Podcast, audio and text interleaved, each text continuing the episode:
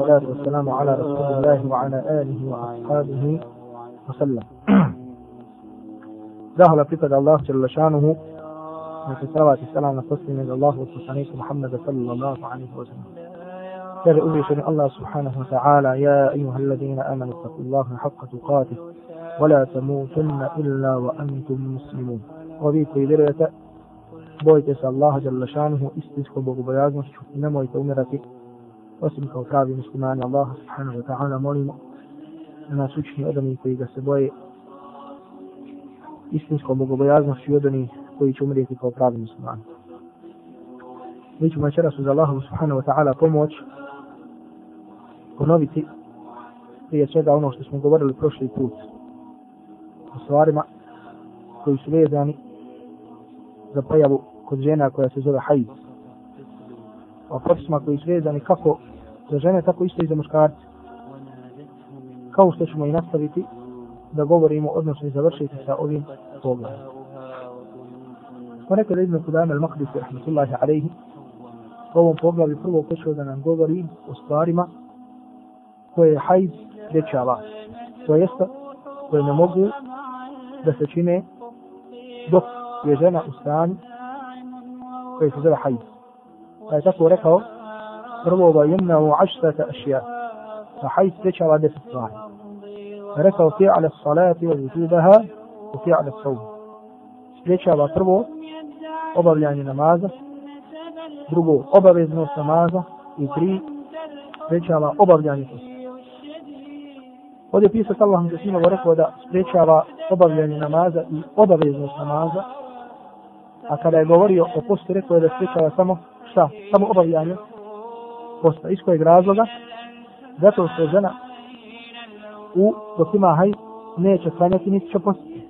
Međutim, one dane koje bude obavezne da ih posti dok je u hajdu kada dođe Ramazan, te će dane šta? Da posti ti. Međutim, namaze koje je propustilo hajdu neće naklanjati. I dokaz zato je hadis u Buhari i muslimu da Aisha radijallahu ta'ala anha u kojem je žena koja se zvala Mu'ada bint Abdillah rekla Aisha radijallahu ta'ala anha ما بال الحائض تقضي الصوم ولا تقضي الصلاة. كاجي زبوك تشجا جنك ويو حيزو ندوك آه، نتفنيا با ونسا ندوك نجوية بوس أني دوك أني نك نجوية ونسا نتفنيا با نماز.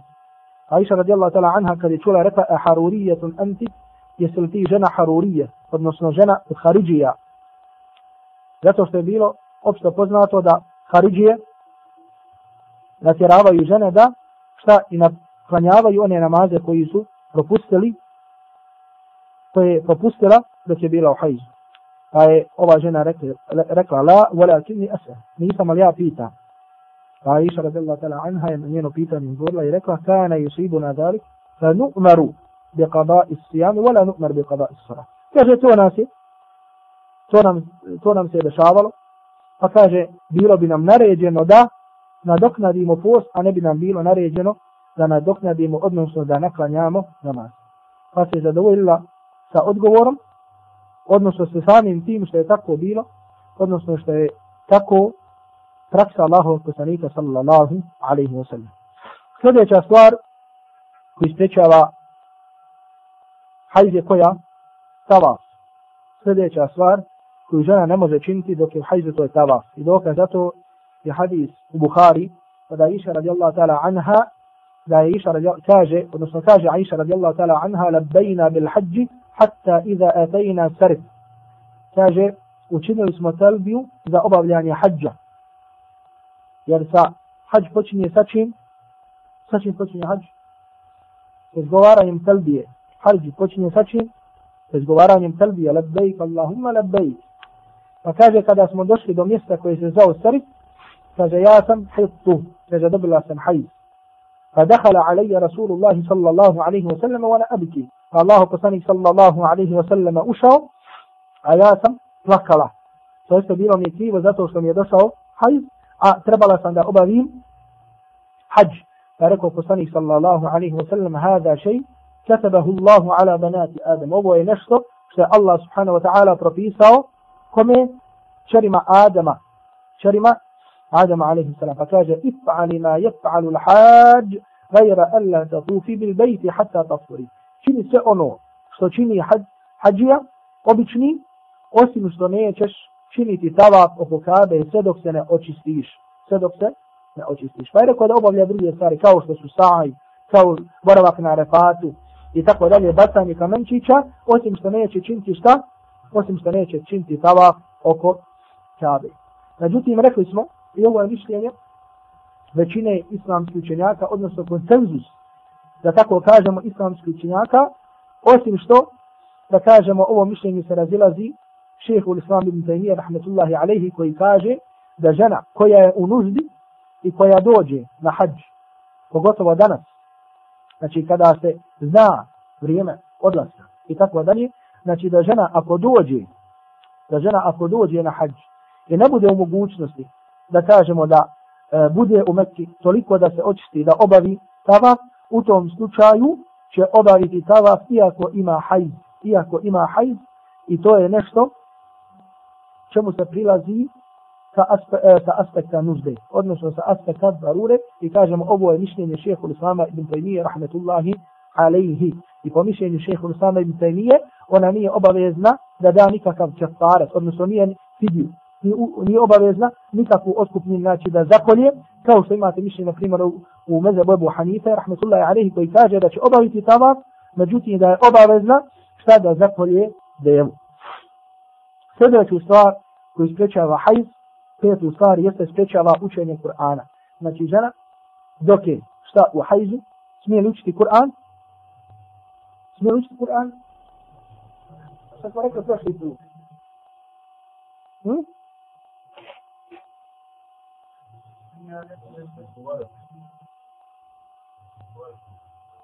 Kako čusta da ne izgovara? Da vi slušao predavanje prošli put, išto? Jedno je, mi smo rekli, jedno je doticanje mushafa, jedno je učenje Kur'ana. Ja sada govorim o učenju Kur'ana da uči bez doticanja mushafa. Da li je dozvoljeno? Međutim, ovdje kaže, wa qira'at al-Qur'an, isprečava učenje Kur'ana. Smije učiti Kur'an. Rekli smo da je mišljenje većine islamskih učenjaka, četiri mišljenje koje je prihvaćeno u četiri mezheba, jeste da žena koja je u hajzu i nifasu da neće učiti Kur'an učiti. Poslije toga ćemo pojasniti masalu dotkanje mushaf. To je mišljenje koje je prihvaćeno u četiri mezheba. I temelji se na hadis koji je zabilježi imam Tirmizi u svom sunanu od Abdullah ibn Omara u kojem poslanik sallallahu alaihi wa sallam kaže šta? قلم. مين؟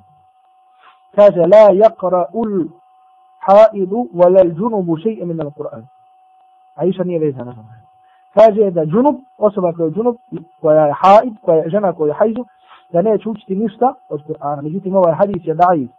إسمانيان والإسمارية حافظ ابن حجر كي كذا ده هو الحديث ضعيف باتفاقي ونصر ضعيف من جميع طرقه. بس ليه؟ Da svi putevi sa kojim, preko koji se prenosi ovaj hadis da su slabi. A šeho sam ibn Taymiye kaže da je ovaj hadis da'id bit tifaqi ahli il-ma'rifa bil hadis. Da svi oni koji poznaju koji su učenjaci hadisa da kaže da ovaj hadis da I na osnovu toga šeho Islam ibn Taymiye i drugi koji ga slijede odabiru, odabire mišljenje da je dozvoljeno ženi da uči Kur'an dok je u Ahmeda. To je mišljenje, mišljenje, jedno od mišljenja u mezhebu imama Ahmeda, iako mišljenje koje je mjesto da neće učiti. Spomenuo ga Nardavi u svom dijelu El Isra. I drugo mišljenje, koje također odabire šehe Islam bin Taymiye, jeste da ukoliko se žena boji da će tokom hajde zaboraviti, da je veđebe, da je obavezno joj da uči. Ne samo da je dozvoljno, nego da je obavezno ukoliko se boji zaborava. Ukoliko se boji zaborava. Znači ovo je jedna od mesela gdje smo rekli, znači da je mišljenje koje ispravnije koje rađah, ono drugo, drugačije nego što je spomenuo Ibn Kudajma al-Maqdisi. Sljedeća šesta stvar jeste mesel mushaf, doticanje mushafa. Znači ovo je sad druga mesela. Ovo je sada govorimo o doticanju mushafa. Smije li doticati mushaf žena koja je u hajzu ili da kažemo također čovjek koji je džunub ili da kažemo šta čovjek koji nema abdesta sve ove osobe smiju li doticati mushaf sve ove osobe imaju isti propis žena u hajzu čovjek koji je džunup i čovjek koji nema abdest pa makar i ne bio džunup, po mišljenju četiri imama i mišljenje koje je ispravno, jeste da ove osobe ne smiju da doticaju mushaf. I to mišljenje zabire šehu Islam ibn Taymiye. Šta je dokaz o mišljenju? Hadis u kojem Allahu poslanik sallallahu alaihi wa sallam kaže La yamassu l-Qur'ana illa tahir. Hadis je zabilježio da rekutni tabarani od ibn Umara, hadis je rodosan, da osoba e, da neće doticati, ne dotiče mushaf osim tahir, osim onaj koji je čist. A riječ tahir od, ob, e, obuhvata i onoga, da kažemo, koji ima abdes, i onoga koji nije u hajzu, i onoga koji nije džunup. Znači sve ove osobe obuhvata ova riječ koja se zove tahir. Međutim, normalno, e, prošli put su neka braća upitala da imam nevevi rahmetullahi alaihi spominje iđma, konsenzus, da imam nevevi spomenuo konsenzus islamskih činjaka da je dozvoljeno učenje Kur'ana bez abdesta.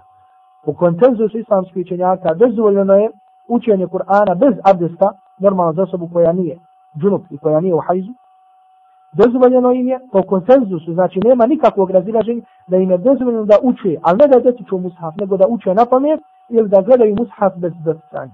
Međutim, osoba koja nema abdest, onda nju slijedi ono, odnosno što smo sada spomenuli. Sedma stvar jeste al-libsu ili al-libsa fil masjid, da sprečava boravak u masjidu. Osoba koja je u hajzu, smije li boraviti u masjidu, ne smije da ulazi u masjid. Dokaz tome je šta?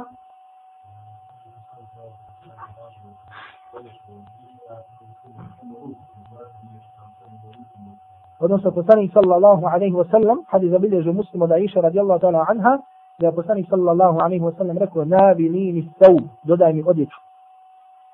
A rekli smo da je šta? Da je bio mesđid Allahu poslanika alaihi salatu wa sallam i oko njega da su bile sobe njegovih žena. Odmah do mesđid, do mesđida je bila soba Aisha radijallahu ta'ala anha i iz nje odmah direktno u mesđidu da ulazi oko Allahu poslanik sallallahu, alaihi wa Pa jedne prilike dok Allahu poslanik sallallahu alaihi wa sallam bio u mesđidu, rekao je Aisha radijallahu ta'ala anha navilini staub, dodaj mi odjeću. Aisha radijallahu ta'ala anha je na ovo da kažemo se začudila i rekla inni haid, ja sam žena koja sam u hajzu. Pa je poslanik sallallahu alaihi wa sallam rekao inna hajbataki lejse fi jebiki. Tvoj hajz nije u tvojoj ruci. Nije u tvojoj ruci. I učenjaci sa četiri mezheba su uzeli ovaj hadis kao dokaz da žena ne može ući u mesđid, iz kojeg razloga i kako su ovaj hadis uzeli kao dokaz zato što Aisha radijallahu ta'ala anha se začudila kao ashabika kako da uđe u mesđid dok je u hajzu. Što znači da je to bilo opšte poznato kod ashaba Allahovog poslanika sallallahu alaihi wa sallam da žena u ovakvom stanju ne ulazi u mesđid. Pa Allahov poslanik sallallahu alaihi wa sallam iz tog njenog mišljenja da kažemo izuzeo jedan propis, a to je šta? Da je dozvoljeno da doda, to jeste da svoju ruku uvuče u mesjid i da doda. Znači na taj način učenjaci sa četiri mezeba dokazuju svoj stav, a to je da je žena koja hajzu ne može da uđe. I ovo je mišljenje ako Bog da ispravnije. Postoji drugo mišljenje koje kaže da žena ukoliko je, ukoliko je, znači ukoliko zaštiti, stavi nešto, dobro stavi uložak na svoj polni organ, pa da ne postoji bojazno šta da će krv istaći i uprljati mesjid, da je dozvoljeno. I šta je dokaz tome? Također uzma i ovaj isti hadis kao dokaz, zbog čega zato što je Boži poslanik alaihi salatu wasalam rekao tvoj hajz nije u tvojoj ruci. Kao da je rekao nećeš, ne postoji bojazno da ćeš uprljati mesjid. Međutim, Allah najbolje zna da je mišljenje džumhura ispravnije. Sljedeća stvar, osma stvar koji sprečava hajz, to je polni odnos. I to je nešto po pitanju čega postoji konsenzus islamskih učenjaka, a to je da je žena dok je u hajzu, da se ne smije sa njom imati polni odnos, uz polni odnos u smislu da polni organ muškarca uđe u polni organ žene. I dokaz tome je šta? Ajde Allah je lašanu kaže wa takrabu hunna hatta yutfur. I to je po pitanju toga postoji konsenzus islamskih učenjaka. Sljedeću stvar koju sprečava hajde šta? Halebe, koja? Nešto vezano za razvoj braka. koju stvar spričava?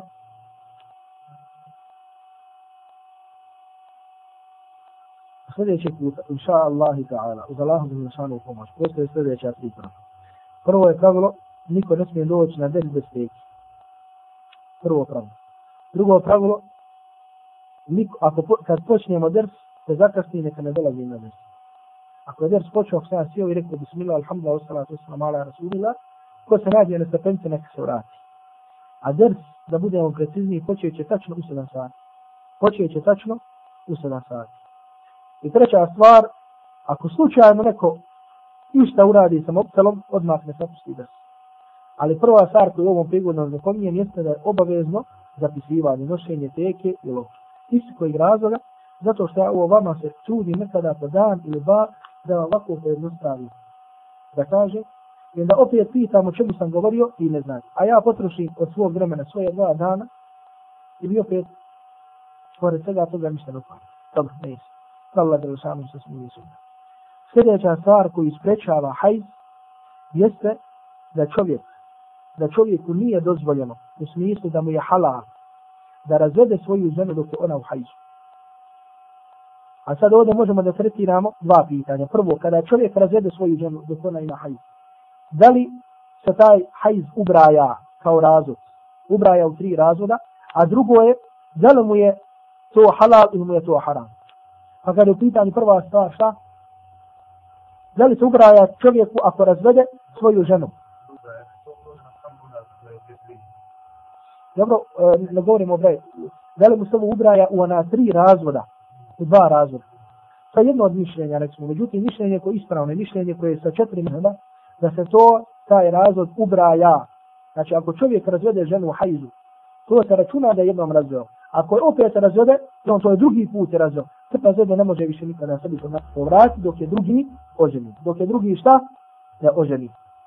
Međutim, da li je znači mišljenje većine islamskih učenjaka da je šta E, mišljenje koje se temelji na riječima Abdullah ibn Omer u Buhari i Muslimu kada je razveo svoju ženu dok je bila hajzu pa je Omer njegov otac otišao da pita Allahovog poslanika sallallahu alaihi wa sallam pa je poslanik rekao murhu fel yurađiha naredi mu da je povrati. Pa kaže Abdullah ibn Omer va husiba tilika talaka pa mi se taj razod ubrojao kao razod ovaj rivajet u Buhari to je prva stvar. Ako čovjek razvede ženu u hajzu to mu se smatra da je kao jedan od dva razvoda posle kojeg ima pravo da povrati ženu. Druga stvar, da li mu je to, da li mu je halal da razvede ženu u hajzu i kažemo haram je čovjeku da razvede svoju ženu u hajzu. To je stvar koja mu je haram. Znači učinio je nešto što je veliki grijeh. To je stanje u kojem čovjek ne smije da razvede ženu haramu je, ali ako bi je razveo, pored toga što se ogriješio, smatra mu se kao da je, odnosno broji se u ona dva razloda posle kojeg ima pravo da povrati svoju ženu. Sve ovo na temelju hadisa u Bukhari i Muslimu od Abdullah ibn Omara, dužijeg hadisa u kojem je Abdullah ibn Omar razveo svoju ženu, dok je bio u hajzu, pa mu Boži poslanik alaihi sallatu wasalam naredio da je povrati i spomenuo još propisa koji su vezani, međutim ovo sada nije tema toga, nego o tome se govori kada su bračnom pravu govori o razvodu braka. I sljedeća stvar koju spriječava hajz, to je iddet mjesecima. A mi smo rekli šta? Mi smo rekli, e, ovo je također vezano za, raz, e, za porodično pravo, za poglavlje o razvodu braka, a to je da žene koje su razvedene, da svaka žena koja se raziđe sa svojim mužem, kažemo raziđemo, ne mora biti razved, može e, doći do razilaženja, da kažemo e, razvrgnućem braka ili smrti i tako dalje, ima nešto što se zove idde, ima nešto što se zove idde. Pa na primjer žene koje su razvedene, ne kojima su muže ili umrli, koji su razvedene, one e, njihov iddet, ukoliko su žene u hajzu, je tri hajza. Njihov iddet je šta? Tri hajza. Je tako? Dobro. Međutim, ima žena koje su mlade, koje još nisu dobile hajz, ili stare kojima je prošao hajz, pa njihov hajz traje tri mjeseca. Tri mjeseca. I Allah Đelešanu kaže وَاللَّهِ يَئِسْنَ مِنَ الْمَحِيدِ مِنْ نِسَائِكُمْ مِنْ يَرْتَبِتُمْ فَعِدَّتُهُنَّ ثَلَاثَةُ أَشْهُرٍ وَاللَّهِ إِلَمْ يَحِدْ Kaže one žene koje, ima, koje su izgubile nadu hajz, to jeste koje su od starosti izgubile hajz, kaže njihov idzet je tri mjeseca, kao i one koji nisu dobile hajz. Što znači da žene e, koje imaju hajz, one su obavezne da svoj idzet računaju kako? Po hajzu, a ne po mjesecima. Jer Allah subhanahu wa ta'ala kaže وَالْمُطَلَّقَاتُ يَتَرَبَّسْمَ بِأَنْفُسِهِنَّ ثَلَاثَةَ قُرُوا Žene koje su razvedene, neka čekaju koliko? Neka čekaju tri qur'a, to jeste tri hajza neka čekaju tri Kur'a, neka čekaju tri hajda. Znači, to je deset stvari koje hajz sprečava. Ovo je deset stvari koje hajz sprečava. Ko će ih nabrojati? Alo me.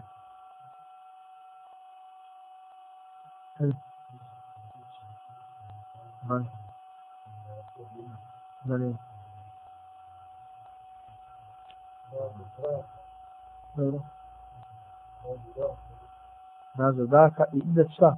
Ono ne sprečava idet, nego idet mjesecima. Znači ne može se računati mjesecima ona žena koja ima hajz, nego, im se, nego se računa po hajzu.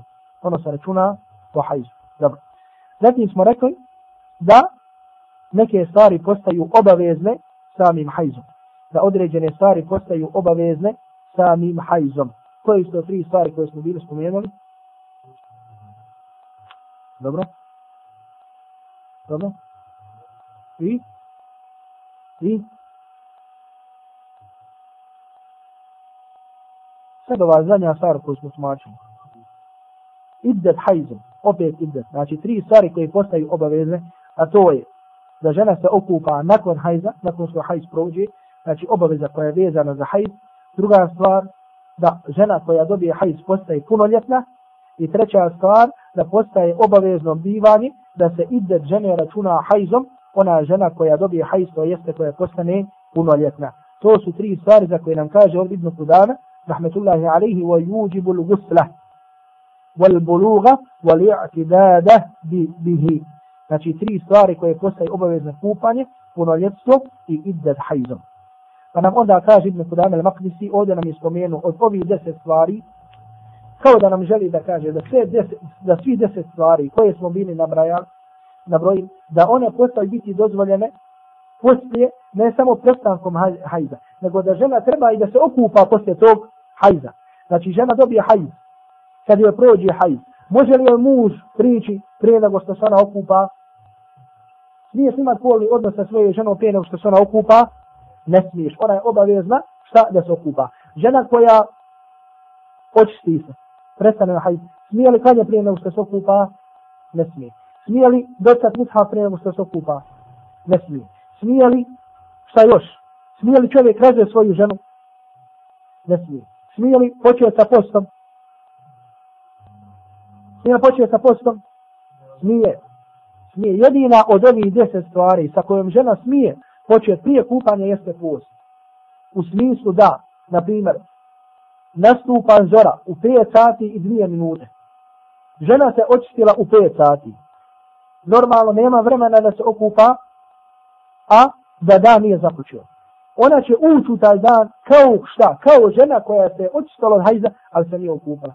Hoće li računati taj dan kao od posta? Ona će računati taj dan od posta, zato što ga je započela kao čista. Međutim, da ga je započela kao žena sa hajzom, pa makar jednu sekundu, taj dan je obavezna da nadoknadi. Ili kao da ga je završila, a da je dobila hajt pa makar jednu sekundu prije zalaska sunca, obavezna je šta? Obavezna je da naposti taj dan. Uglavnom, samo iz ovih deset stvari izuzima jedna stvar, a to je post. Analogno na muškarca, odnosno na osobu koja je džunup. Jer kaže u hadisu Bukhari i muslima da je Allah poslani sallallahu alaihi wa sallam da bi osvanuo džunup, pa kaže da bi započeo svoj post. Da bi započeo, fa kad kana nabiju sallallahu alaihi wa sallam yusbihu džunuben mi ne gajri ihtilami fajsu. Osvanuo bi kao džunup, ali bi počeo svoj post. Normalno, obavezna im postaje da se okupaju kako bi klanjali samah namaz u vrijeme. I Ibn Kudame ovdje spomenuo još jednu stvar koja se izuzima, a to je razvod braka. Po mišljenju, jednom od mišljenja imama Ahmeda, razvod braka, čovjek smije razvesti svoju ženu koja se očisti prije nego što se je okupala. Međutim, mišljenje koje je ispravno jeste da ne smije njihovu stvar dok se ne okupa radi hadisa, radi rivajeta onog hadisa Buhari i Muslimu, koje je zabilježi imam Nesai, rivajeti vjerodostan gdje se kaže fa iza zatesalet min hajdatiha al-ukhra. Pa kaže kada se okupa od svog hajza, nekad onda onda može ako hoće da je razvodi. A onda kaže a da nije dozvoljeno sa iluha hatta tagtasil, a ostale stvari sve dok se ne okupa. I onda nam Ibn Kudama eh, al-Maqdisi rahmetullahi alaihi spomenuo ovdje još jednu stvar, je ويجوز الاستمتاع من الحائض بما دون الفرج لقول رسول الله صلى الله عليه وسلم اسمعوا كل شيء غير النكاح dozvoljeno je čovjeku da se zadovoljava sa svim dijelovima tijela žene osim sa čim? Sa samim polnim organom. Smijete sa drugim dijelovima tijela da se zadovoljava osim sa samim polnim organom. Znači sa njenim stegnima i tako dalje, osim samog polnog organa. I ovo je mišljenje imama Ahmeda, dok je mišljenje imama Šafi i Malike Ebu Hanife da ne smije kupka do koljena. Međutim, hadisi upućuju na jačinu, upućuju na jačinu mišljenja imama Ahmeda, jer je došlo između ostalog u. I ovaj hadis na to upućuje muslimu, a hadis koji to jasnije pojašnjava jeste hadis gdje u sunanu Ebu Davuda, gdje se prenosi, a predaje vjerodostan, gdje se prenosi od nekih žena Allahovog poslanika sallallahu alaihi wa sallam da su rekli kana iza arada min al haidi še'an alqa ala farđiha sauban. Da Allahov poslanik sallallahu alaihi wa sallam kada bi htio da se zadovolji ovaj, tako da ima da kažemo na jedan način odnos sa ženom koja je u hajzu, da bi stavio komad odjeće na njen polni organ, to se zadovoljio bi se sa drugim dijelom, zadovoljavao bi se sa drugim dijelovima njenog tijela. Sa drugim dijelovima njenog tijela. E, sada mesela koje nam ostaju važne kada je u pitanju sami hajz, da kažemo pitanje koje nam uh, ostaju važna kada je u pitanju sami hajz, jeste trajanje hajza. I ovo su da kaže malo teže mesele u hajzu, ja sam pokušao da vam pojednostavim koliko mogu i zato nadam se da ćete obratiti pažnju na njih. Nadam se da ćete na njih obratiti pažnju, međutim do tada ako bude napravit ćemo jednu manju pauzu od jedno 5 minuta. فاختت وحده والليالي ورصاص من حوله وجنوب. والصلاة والسلام على رسول الله وعلى آله وأصحابه وسلم. زلاه جل شانه قم وشنفق ويا مسنشين قولا بروكسما كويليزانو زحيز نفاس Zatim, nakon što nam je Ibn Qudam al-Maqdisi rahmetullahi alaihi spomenuo koje stvari hajz sprečava i koje stvari postaju obavezne sa hajzom, počeo je da nam govori o granici odnosno o najmanjem trajanju hajza kod žene i najdužem trajanju. To jeste koji je to period? Najmanji u kojem žena može, to jeste ako ima, ako joj toliko, da kažem, traja hajz, da može da se kaže da je to hajz. Zatim nam je također spomenuo koji je najduži period čistoće i najkraći period čistoće. I treće je najniža granica u kojoj godišnja dob u kojoj žena može u kojoj žena može dobiti hajz i najveća do koje može žena da ima hajz. Pa prvo kada u pitanju koliko hajz najmanje traje i koliko hajz najviše traje, islamski učenjaci, odnosno učenjaci četiri mezeba, su spomenuli tu granicu. Pa tako, na primjer, u mezem Ebu Hanife, naj, najmanja granica trajanja hajza jeste tri dana. A najveća trajanja, najveća, jeste deset dana. Što znači da žena, ako joj se pojavi krv koja je teče dan, dva, pa prestane a ne teče tri dana, ta, taj prvi dan i drugi dan, to što je bilo, oni ne nazivaju hajzom. Nego nazivaju istihazom. Pojasnimo šta je istihaz. Što znači da sve namaze što je tada popustila, da je obavezna da ponovi. Zato što je ostavila, radi krvi, radi koje misla da je hajz, međutim to nije bilo hajz. U mezabu imama Ahmeda, najniža granica trajanja hajza jeste jedan dan i jedna noć. To jeste ako žena šta ako žena pojavio joj se hajz jedan dan, a ne bude tu noć, to što se pojavilo u tom jednom danu, danu prvi ne smatra se hajzom. Ne smatra se hajzu. Zbog čega? Zato što je kažu najmanja granica jedan dan, jedan noć.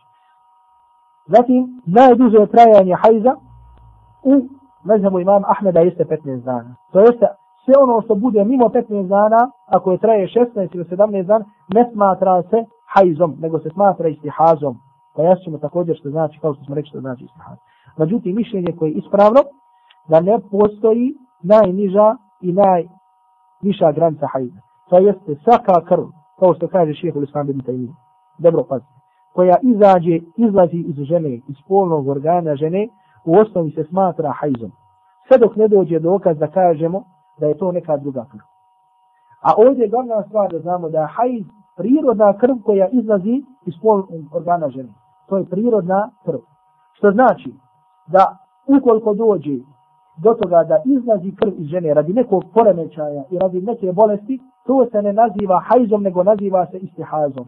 A žena, kada joj ističe krv, koja se zove istihaza, smatra se, ona je u propisu, a tahirat, žena koje su čiste, koja klanja, koja posti i tako dalje, iako ide krv. Zbog čega? Zato što to nije krv hajza, nego krv istihaze. Izlazi radi neke bolesti, radi poremećaja i tako dalje. Što znači, vraćamo se, da ne postoji najmanja i najveća granica hajza, nego svaka, svaka krv koja izađe, da kažemo i žene, žena osjeti da je to hajz, a žene znaju, osjete hajz, imaju znakove hajza, to se smatra hajzom. Pa makar da se zadesi da neka žena, da joj mjesečno dolazi hajz, da kažemo, koji traje samo jednu, jedan dan ili jednu noć. Ili da ima, na primjer, žena koji ima hajz traje 16 dana. Znači, koliko god da traju, ukoliko je to nešto prirodno, što tako biva kod žene, da kažemo svakog mjeseca, to se naziva hajzom, koliko god onda imao najnižu, ili koliko god on najmanje ili najduže da bude trajao. Taman 16 ili 17, da kažemo dana, ukoliko je to nešto što da kažemo svakog mjeseca tako izlazi kod žene. Ukoliko je to nešto što da kažemo svakog mjeseca tako izlazi kod žene.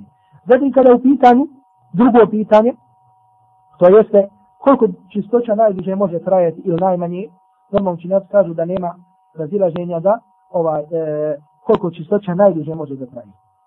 Međutim, kada u pitanju najkraće trajanje čistoće, onda, na primjer, u među imam Ahmeda kaže da je to 13 dana. 13 dana. Šta to znači? Znači da ako se žena očisti i prije nego što prođe 13 dana, pojavi se krv. Oni kažu da to nije hajz. Oni kažu da to ne može da bude hajz. Međutim, kažemo, u većini slučajeva to biva ovako, međutim, ukoliko bi joj se pojavilo i prije 13 dana, da joj izađe krv, a ona osjeti da je to krv hajza, znači prepozna hajz, onda kažemo da nema nikakve zapreke da kažemo da je to hajz. Treću, treća stvar, koja je to najniža godišnja dobu koju žena može dobiti hajz, na primjer, Ibn Kudami, Ibn Kudami nam ovdje kaže da u mezhebu imama Ahmeda, da je to 9 godina što znači da žena ako prije devete godine, ako je izađe krv, da se to ne naziva hajzom, da se to ne naziva hajzom. Dok, kada u pitanju najveća granica kažu da je to 60 godina, što znači da žena koja se pojavi krv iznad 60. godine, da šta?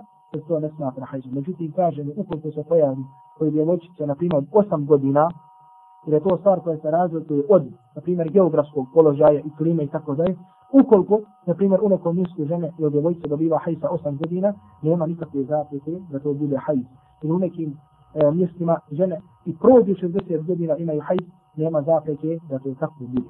Znači sve ove granice koje nam je postavi Ibn Kudame, koji su postavili učinjavac ili Hanbelijskog, ili Šafijskog, ili Hanetijskog mezama, postavili su većinu slučajeva na osnovu adeta. To jeste vidjeli su ove granice kod žena koje su bile u njihovom, da kažemo, vrijeme i u njihovom sredinom.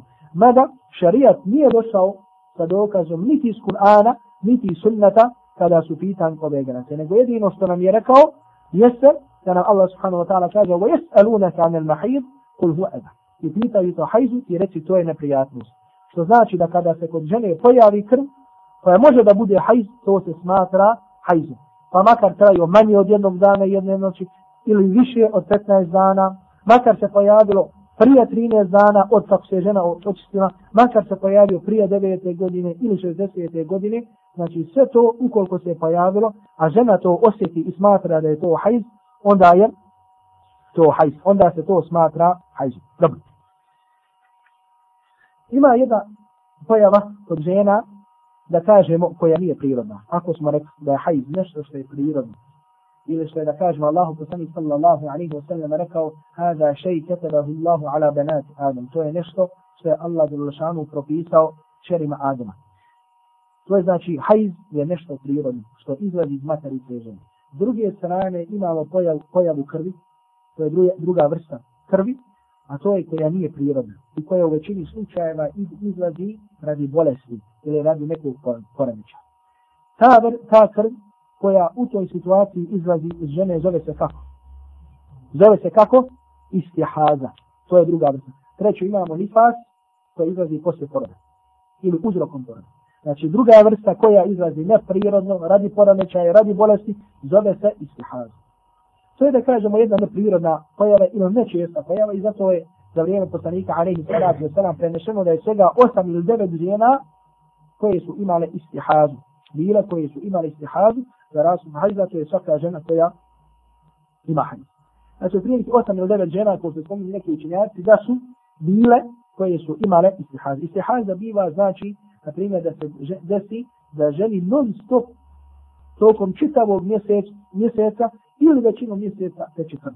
Znači krv nikako ne staje. Šta ćemo sada s ovim? Na primjer, imamo ženu koja čitav mjesec krv teče. To ne može da bude hajz.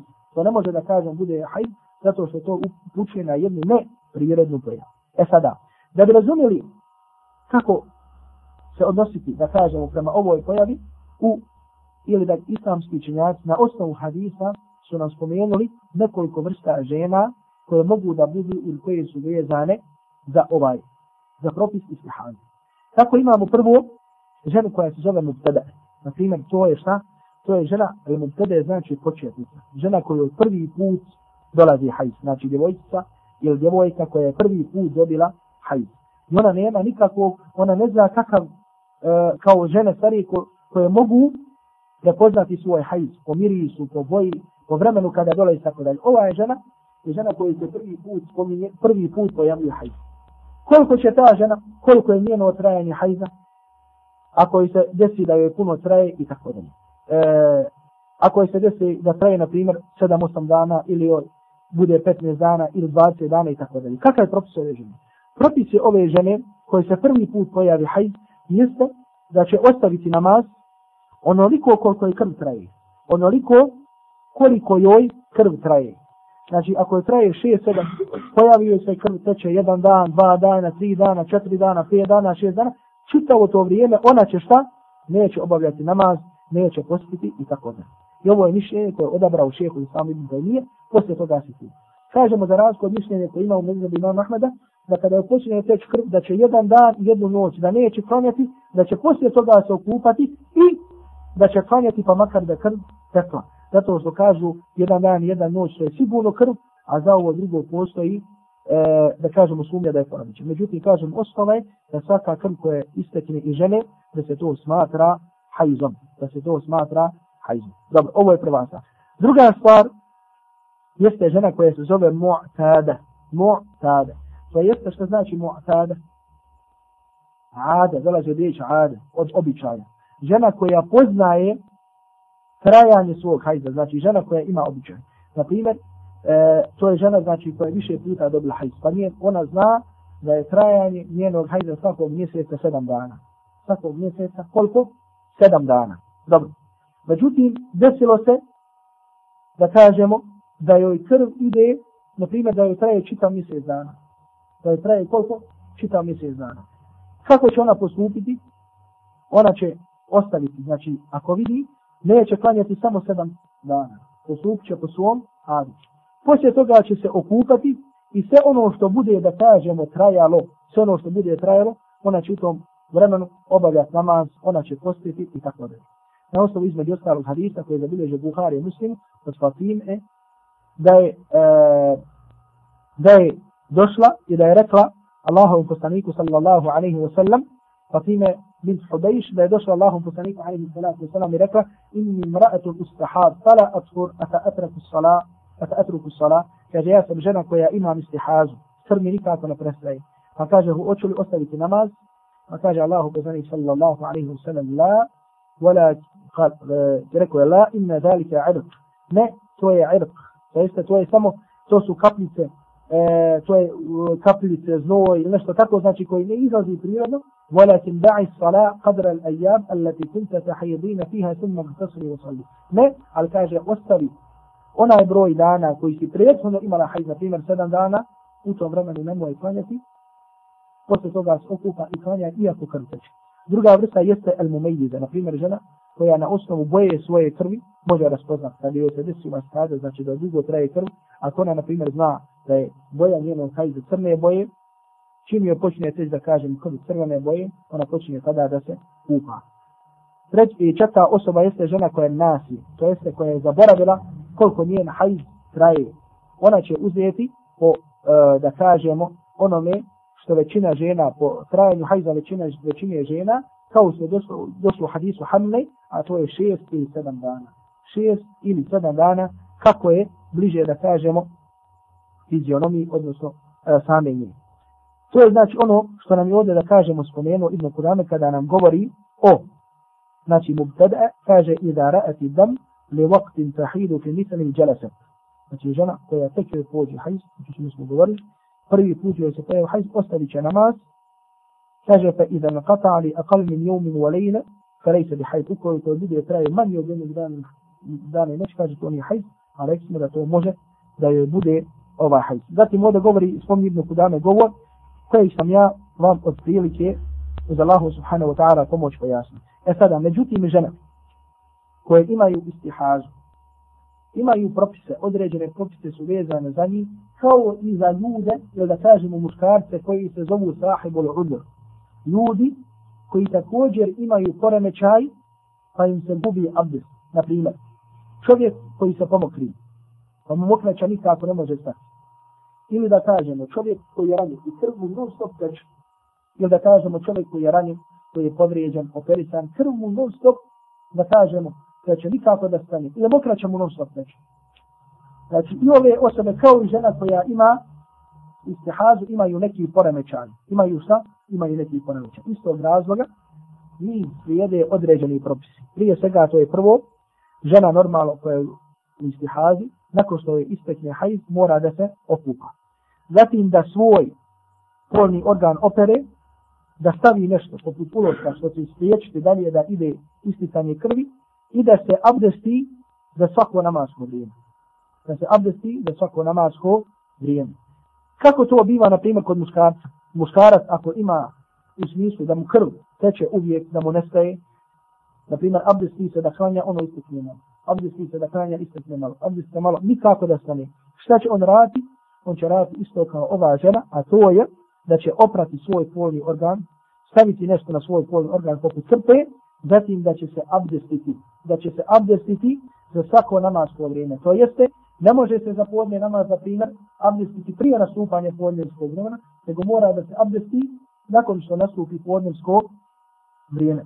Ako će klanjati sabah, ne smije prije nastupanja sabahskog vremena da se abdesti, nego mora da onda kada nastupi sabahsko, da nastupi sabahsko vrijeme. I to nam je Ibn Kudame rekao kada kaže wa alejha an tagtasila inda akhir al-hayd žena koja ima istihaz znači kad bude kraj njenog hajza kao što smo pojasnili ona će se tada okupati tagsilu farjaha i druga stvar opraće svoj polni organ wa tu'assibuhu i kaže stavit će nešto znači danas uložak. Kaže wa tatawadda'u li waqti kulli salat i abdestit će se za svaki namaz odnosno za svako namasko vrijeme. Wa tusalli wa kadhalika man bihi salasul bawl. I također osobe koji ima non stop da kažemo ko će mokraći salasul baul, kaže wa man fi ma'nahu il osobe koje imaju, koje osobe koje su iskušane sa ovakvim stvarima. Zatim nam dalje govori o osobi koja je muhtada, što smo pojasnili, i kaže wal hamilu la tahir. Mesela koju nam je ovdje spomenuo, jeste kaže da žena koja je trudna ne može da ima hajz. Žena wal hamilu la tahir, i to je mišljenje koja ako Bog da ispravnije, a to je jedno od dva mišljenja učenjaka. Znači, ukoliko se pojavi e, kod žene krv dok je ona trudna, može li, hoće li se to računati hajzom? To se neće računati hajzom. To je mišljenje imama Ahmeda, mišljenje imama Ebu Hanife, to je mišljenje ispravnije iz kojeg razloga, zato što je Allahu poslanik sallallahu alaihi wa sallam učinio jednim, jednim od dokaza, da kažem, ili znakova koji učuje da nema ništa u utrobi žene, da nije noseća, da nije trudna, ukoliko dobije haj. Pa je rekao za žene koje su robinje, kaže la tuta ul hamil, kaže da žena koja je trudna neće se sa njom imati polni odnos sve dok ne rodi, wala zatul hajz, kaže niti ona žena koja ima hajz sve dok ne rodi hajz. To jeste koji da bude dokaz da ta žena nije trudna. Da ta žena nije trudna. Kaže illa an tara dam qabla viladatiha bi jevmin au jevmejni pa je kunu damu nitas. Osim, znači kada žena koja je trudna može da joj isteče krv, a da ima propis hajza, ukoliko ženi koja je trudna počne prije poroda na dan ili dva, ukoliko je počne krv teći, ta se krv smatra krvi pasa. Znači, iako je zato kažemo da je krvni pasa kao što će doći do primice, da je to što izađe sebebom, uzrokom e, uh, viladeta porođaja. Što znači da iako prije samog poroda počne da teče, kao što može kod nekih žena se dešava, da li će smatra se to nifasom? To se smatra nifasom. Zatim sljedeće što će nam Ibn Kudame al-Maqdisi rahmetullahi alaihi ovdje spomenuti jeste da će nam reći nekoliko propisa za sami nifas. Pa nam kaže u adam al-Khariji sebe bil velade. To ono što izađe iz žene, a uzrok toga je šta? Uzrok toga je porod ili vilada. وحكمه حكم الحيض فيما يحل ويحرم ويجب ويسقط. I kaže propis nifasa je isto kao propis hajza. Sve ono što ne smije da se čini u hajzu, ne smije da se čini u nifasu. A sada ako bi htjeli mogli bi da ponovimo i da kažemo da nifas sprečava šta? Da sprečava deset stvari. Pa da spomenemo isto ono šta? Što smo pojasnili, od prilike što smo govorili, o stvarima koje sprečava, o stvarima koje sprečava šta? O kojima sprečava hajz. Žena dok je u nifasu, hoće li klanjati, hoće li postiti, hoće li doticati mushab, hoće li učiti Kur'an, hoće li obavljati tavaf i tako dalje. Sve ono je vezano što smo spomenuli, što smo spomenuli i zašto, što smo spomenuli i za sami hajz i ovo je nešto po pitanju čega ima koncenzus islamskih učenjaka. Koliko je najmanje trajanje i fasan, ono da bude, može da bude trenutak ili dva, može da žena, da kažemo da rodi, a da nema nifasa, kao što se spominje, kaže, a najduže trajanje nifasa je wa ekstaruhu arba'una jauman. Najduže trajanje nifasa je koliko? 40 dana i to na osnovu riječi Ummu Salama, كانت النفساء تجلس على عهد رسول الله 40 يوم. Da su žene koje su imale nifas, da bi sjedile, to jeste ostavljale namaz, za vrijeme Allahovog poslanika sallallahu alaihi wa sallam 40 dana. Šta to znači? Šta znači da je najduže trajne faza 40 dana? Da ako bude trajao 41 dan, ili pređe kako 40 dana, nakon 40 dana ona će se okupati, pa makar da on nastavi da traje poslije toga. I na osnovu riječi Ummu Salme koje zabilježi imam Ahmed ibn Davud i predaje vjerodosno. Kaže, wala hadda li akallihi, a kada je u pitanju najmanje, najmanje nema nikakve granice. A najduže trajanje ni pasa je 40 dana. Dobro, ako se na primjer desi, evo sad jedno pitanje, žena, ovo se često dešava kod žena, žena ima nifas, nifas traje 7, da kažemo 10 dana. I žena misli da se očistila misli da se očistila. Ona se okupa, ona se okupa, međutim, bude čista dva, tri, četiri, pet dana, posle toga opet joj dođe nifas. Opet je dođe nifas. Da li ta krv koja se pojavila nakon četiri, nakon pet dana, da li se to smatra nifasom ili ne? Znači, sve ono što se pojavi unutar u okviru 40 dana, to se smatra nifasom. Znači, žena koja je šta? Koja je ostavila, da kažemo, e, bila deset dana trajao nifas, okupala se, da kažemo, nekoliko dana bila čista, poslije toga opet se pojavila krv, da li je to nifas? To je nifas i to se smatra nifasom. Kaže, u ameta ra'ati tuhur, izo teselet vahija tahir. Kaže, opraće se, i ona je čista, kada je pređe krv. Wa ina aada, u muddati l-arba'ine, fahuva nifasun aidan. A ukoliko se po, ponovi ta krv, međutim, u granici 40 dana, to će se ponovo smatrati nifasom. To će se ponovo smatrati. Ovdje kada govorimo o ovoj misli, važno je spomenuti jednu stvar koja se mnogo, mnogo dešava među, ovaj, da kažemo, e, stvar koja se često dešava kod žena. A to je, da na primjer, da žena koja normalno ima hajj, na primjer, žena ima hajj 7 ili 8 dana. I njen adet je obično 7 ili da kažemo 6 ili 7 dana. Desi se da se okupa, da se okupa šta? I kada se okupa, onda vidi ponovo vidi nešto poput krvi. Međutim, to u većini slučajeva biva smečkasto, ili da kažemo crvenkasto i tako dalje. Ili zvučkasto i tako.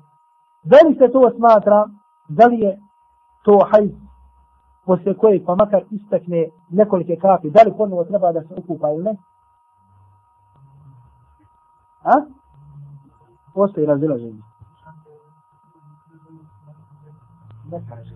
Vidiš kako, Salih bolje znao Ne treba ne treba da se okupa. Međutim, pod uslovom, pod broj jedan, prvo, žena ne smije da žuri sa prestankom hajza.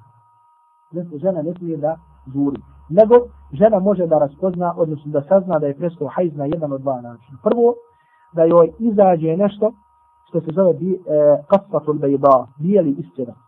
Znači veliki broj žena na kraju hajza izađe nešto bijelo, bijele kapice. To se zove bijeli istjedak ili kasfatul bejda. Ili, na primjer, da žene stavi, da kažemo, uložak, a da ga nakon određenog vremena izade i da vidi da nema nikakvog traga na njima. To su znakovi, da kažemo, koje više poznavaju žene, na osnovu čega znaju prestan, prestanak hajza. I ovo je na osnovu hadisa koji zabilježi predaje, od Aisha radijallahu ta'ala anha zabilježi ima Malik svoj muvati, da su žene slale, pogledajte ove želje, da kažemo, za spoznajom šarijatskih propisa, da su slale uloške. A Aisha radijallahu ta'ala anha, da, šta, da vidi Aisha radijallahu ta'ala anha da li im je prestao hajz po tim zakonom nije. Allah, pa je Aisha radijallahu ta'ala anha govorila la ta'đelina, kaže nemojte žuriti hatta sve dok ne vidite al qasfata li bejba, dok ne vidite bijeli istina. Kada žena na osnovu ovoga, na osnovu ovih e, znakova se okupa, sve ono što poslije toga izađe, ono se ne smatra šta hajzom. Na osnovu riječi, E, ashabi ashabiki koji kažu kunna la na'uddu al kudra wa sufra min al hajdi še'in. Mi kudra i sufra, to je smečkasto ili žučkasto, kaže nismo smatrali hajzom poslije hajzom. Ovo se često dešava ženama. To jeste prvo moraju da znaju da ne žure. I zato ako vas žene ili, sestre koje slušaju da znaju koliko muže upitaju, znači prvo neka zna da ne žure. Ako nije požurila, i ovo se pojavilo, to nije hajz. Ne treba se poslije toga okupati, nego samo neka opere svoj polni organ. Međutim, ako je požurila, onda da kažemo to se smatra hajzom. Onda se to smatra hajzom, poslije čega ponovo treba da se okupa. Poslije čega ponovo treba da se okupa. Također što je važno ovdje, ja da kažem, hajde ja se nadam možda da će doći neka pitanja, dosta ima pitanja kad upitam hajz, ipak ovdje već imamo jedno, koji se kaže kakva je razlika između hajzatom i tuhrom. Hajd je hajd. Hajd je hajd. a tuhr je čistoća. Kakva je razlika između hajda i tuhra? Odnosno između čistoće i nečistoće, o tome smo govorili tokom čitavih ovih predavanja, a to je da je hajd šta? Znači hajd je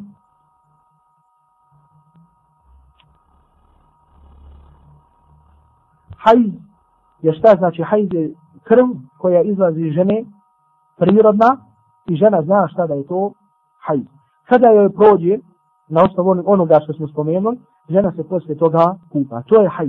Ono sve drugo, to, jeste, to se zove tuhrom, to se naziva čistoćom i mislim da smo u ovom predavanju pojasnili sve što je vezano i odnosno da se iz ovog našeg predavanja može veoma lahko saznati šta je hajz i tuhr, određeni propisi vezani za hajz, određeni za tuhr i tako dalje. Sljedeće pitanje nije vezano za hajz, kaže da li je dozvoljeno ići u džihad, a da čovjek ne pita majku koja ne praktikuje islam, da iza sebe ostavi ženu trudnu i dvoje djece bez ikakvih uslova koji žive u jednoj sobi bez plati. Da li je dozvoljeno ovako ovakvoj osobi da ide u džihad, ovakvoj osobi nije dozvoljeno da ide u džihad. Zbog čega? Zato što je uslov da se ide u džihad dozvola roditelja. Dozvola roditelja na osnovu hadisa koje zabilio žima muslim i drugi, da su došli e, da je došao čovjek Allahu poslaniku, Allahu poslaniku sallallahu alaihi wa sallam u džihad, a da je poslanik sallallahu alaihi wa sallam ga pitao da li su ti roditelji živi, da li su njih traži izum, mu poslanik alaihi sallatu wa sallam rekao da ti imate džahid, pa radi njih i to jeste sa njima, kod njih vodi džihad. To jeste tvoj džihad će biti da budeš sa njima. Međutim, kažemo pogotovo e, kad se dešava da čovjek napravi veću štetu nego što napravi korist. A to je kao što mogu primijeti iz ovog pitanja, na primjer da ostavi trudnu ženu, da ostavi dvoje djece, da je ne ostavi uslovne i tako dalje. Znači ne može čovjek, nema sumnje da čovjek ako bi učinio nešto ovako, ako nije vezano za džihad, da šta? Da čini nešto što nije da kažemo dozvoljeno ili čini štetu a nije da kažemo dozvoljeno činjenje određenog dobrog djela, a da čovjek iza sebe ostavi štetu, da čovjek iza sebe ostavi štetu, da ostavi dugove koje su vezani za Allahove subhanahu wa ta'ala stvorenje. Sljedeće pitanje koje dolazi kaže da li je dozvoljeno da muškarac udara ženu po licu i zatvara je u sobu i ne dozvoljava joj izlazak iz kuće, a on je musliman koji praktikuje Kur'an i sunnet sve da sestra radi, da li joj je dozvoljeno da ide od njega i kako to da izvede. Kakav je ovaj, kako ovaj praktikuje Kur'an i sunnet. Da li je dozvoljeno da muškarac Allah je ovo nije akida. Da li je dozvoljeno da muškarac udara ženu po licu i zatvara ju u sobu i ne dozvoljava izraz iz kuće, a ona je muslimanka koja praktikuje Kur'an, a on je musliman koji praktikuje Kur'an i sunnet. Ovo prvo nije čovjek koji praktikuje Kur'an i sunnet, što da se radi, da li je dozvoljeno da ide od njega i kako to da izvede. Normalno nije dozvoljeno da ode radi ovoga što je ovdje spomenuto i ona se ne smatra našiza. Ona se ne, ona se ne smatra ženom koja je nepokorna svom mužu ako radi ovoga ode. I kako to da izgleda? Međutim, ne tako da kažemo da pobjegne ono u smislu da ode, da se za nju više ne zna i tako dalje, nego u ovom slučaju ona ima svog staratelja, svog veliju, od kojeg treba da zatraži pomoć, da zatraži pomoć od svojih roditelja, od njegovih roditelja, da pojasni o čemu se radi i da, da kažemo, ovog radi razloga napusti svog muža. Međutim, ovo da kažemo, s ovim činom ne prestaje brak da važi, da dolazi do razvrgnuća braka, do petha, neće ovo razvod braka, nego ovo je jedno nasilje, jedan zulum, jedan haram koji muškarac čini ženi. I radi ovoga je, kako bi ona zaštitila sebe, svoj život, dozvoljeno joj je šta? Da napusti muža, da se zaštiti, da potraži kod nekog zaštitu od ovakvih nasilnika, od ovakvih nasilnika i ona se ne smatra nepokorna Allahu subhanahu wa ta'ala. Ona se ne smatra nepokorna Allahu subhanahu wa ta'ala, međutim kako to da izvede, da ode svojim roditeljima ili njegovim roditeljima koji to razumiju i da pojasne čemu se radi nakon čega je i da ako on vako će nastaviti, ona ima pravo na razvrgnuće vrata. Ona radi ovoga ima pravo na razvrgnuće vrata. Ona radi ovoga Dakle, ovo je nezbun, to ne sam rešeno nešto ovako. Ona radi ovoga ima pravo na razvrgnuće braka. I zato kažemo, mislim da smo pojasnili kako to da izvede Allah subhanahu wa ta'ala pomogne sestre koje se nalaze u ovakvim situacijama. Znači, kao što sam rekao, još jedno ponavljam, međutim, neka to bude u smislu da ode svojim rotim i da pojasni razlog radi koga je, radi koga ga je napustio. Normalno, ovo sad mi ovdje kažemo, E, da ode svojima ili ode njegovima ukoliko je to u mogućnosti. Iz razloga zbog čega? Zato što danas nemamo šarijatskih sudova. Da ima danas šarijatskih sudova ovakva žena se obrati hadi koji poslije toga ima pravo i da kazni ovakvog muža ili bičovanjem ili zatvaranjem i tako dalje ili radi ovakvih stvari da on da sam kadija razvrgne brak.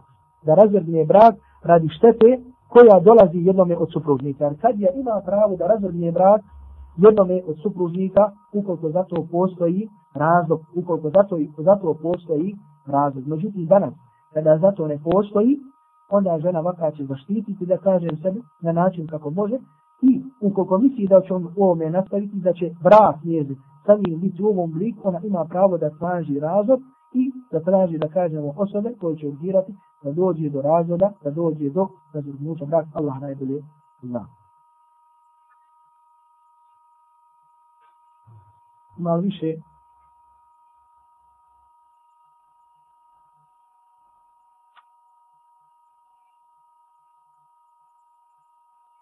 da li se gubi abdest ako se opere dijete od dvije i pol godine starosti. Znači, ako se opere dijete, prije svega normalno pod, mislim da se ovdje podrazumijeva e, ukoliko e, će se dotaknuti njegov poli organ. Ovo je stvar koja je vezana za onu za meselu koju smo spominjali kada smo komentarisali onda to tek kada smo uh, komentarisali na vaki do ludu stvari koje stvari. Ali smo smo rekli za mesu zakar i dotikanje polnog organa i rekli smo spomenuli smo hadis Allahu poslanika sallallahu alaihi wa sallam men mesa zakarahu fal yatawabba ko dotakne polni organ neka se abdesti to jeste sebe ili drugog. Ovaj e, ovdje podrazumijeva i majka svog djeteta. Pa tako, ako bi uzeli po mišljenju imama Ahmeda i mišljenje, i, mm, mišljenje imama Šafi, obavezno je ženi koja prilikom pranja dotakne polni organ svog djeteta da ponovo uzme abdest. Njoj je propisano da ponovo uzme abdest. Međutim, po mišljenju učenjaka, to je mišljenje Ebu Hanife i, ovde, e, i drugi koji kažu i mišljenje šehu Islam Bedita nije, ona ne treba da šta da ponovi abdest jer, še, jer Ebu Hanifa kaže da nije obavezno, a šehu Islam ibn Taymiye kaže da je samo pohvalno. Ono mišljenje koje sam ja spomenuo kada smo govorili, ono što se meni čini ispravnim, jeste mišljenje nam Ahmeda i Šafije koji kaže da je obavezno da se uzme abdest, međutim u svakom slučaju da je bolje da se poslije ovoga uzme abdest, Allah najbolje za, obavezno je da uzme abdest. Obavezno je ukoliko prilikom banja dotakne, jer kažem to je mišljenje imama Ahmeda i mišljenje imama Šafi, Allah najbolje zna. I s ovim smo ako Bog da uz Allahu subhanahu wa ta'ala pomoć, završili komentar e, knjige e, Kitabu Tahar o čistotama, odnosno sve što je vezano za čišćenje i ako Bog da sa sljedećim predavanjem počinjemo sa Kitabu Salah, sa poglavljem o poglavljem o namazu, gdje se govori prije svega, gdje će na izmetu dana makdisi govoriti šta je propis onoga koji ostavi namaz, koji ne klanja, zatim će nam spomenuti, e, prvo što se spominje jeste da se govori o ezanu, ezanu i kametu, zatim drugim šartovima kojim su vezani za sami namaz. Molim Allah subhanahu wa ta'ala da nas usmili, da nam olakša, da nas učini od onih koji razumijemo propise njegove vjere. إنه قادر على ذلك وصلى الله على محمد وعلى آله وأصحابه محمد وعلى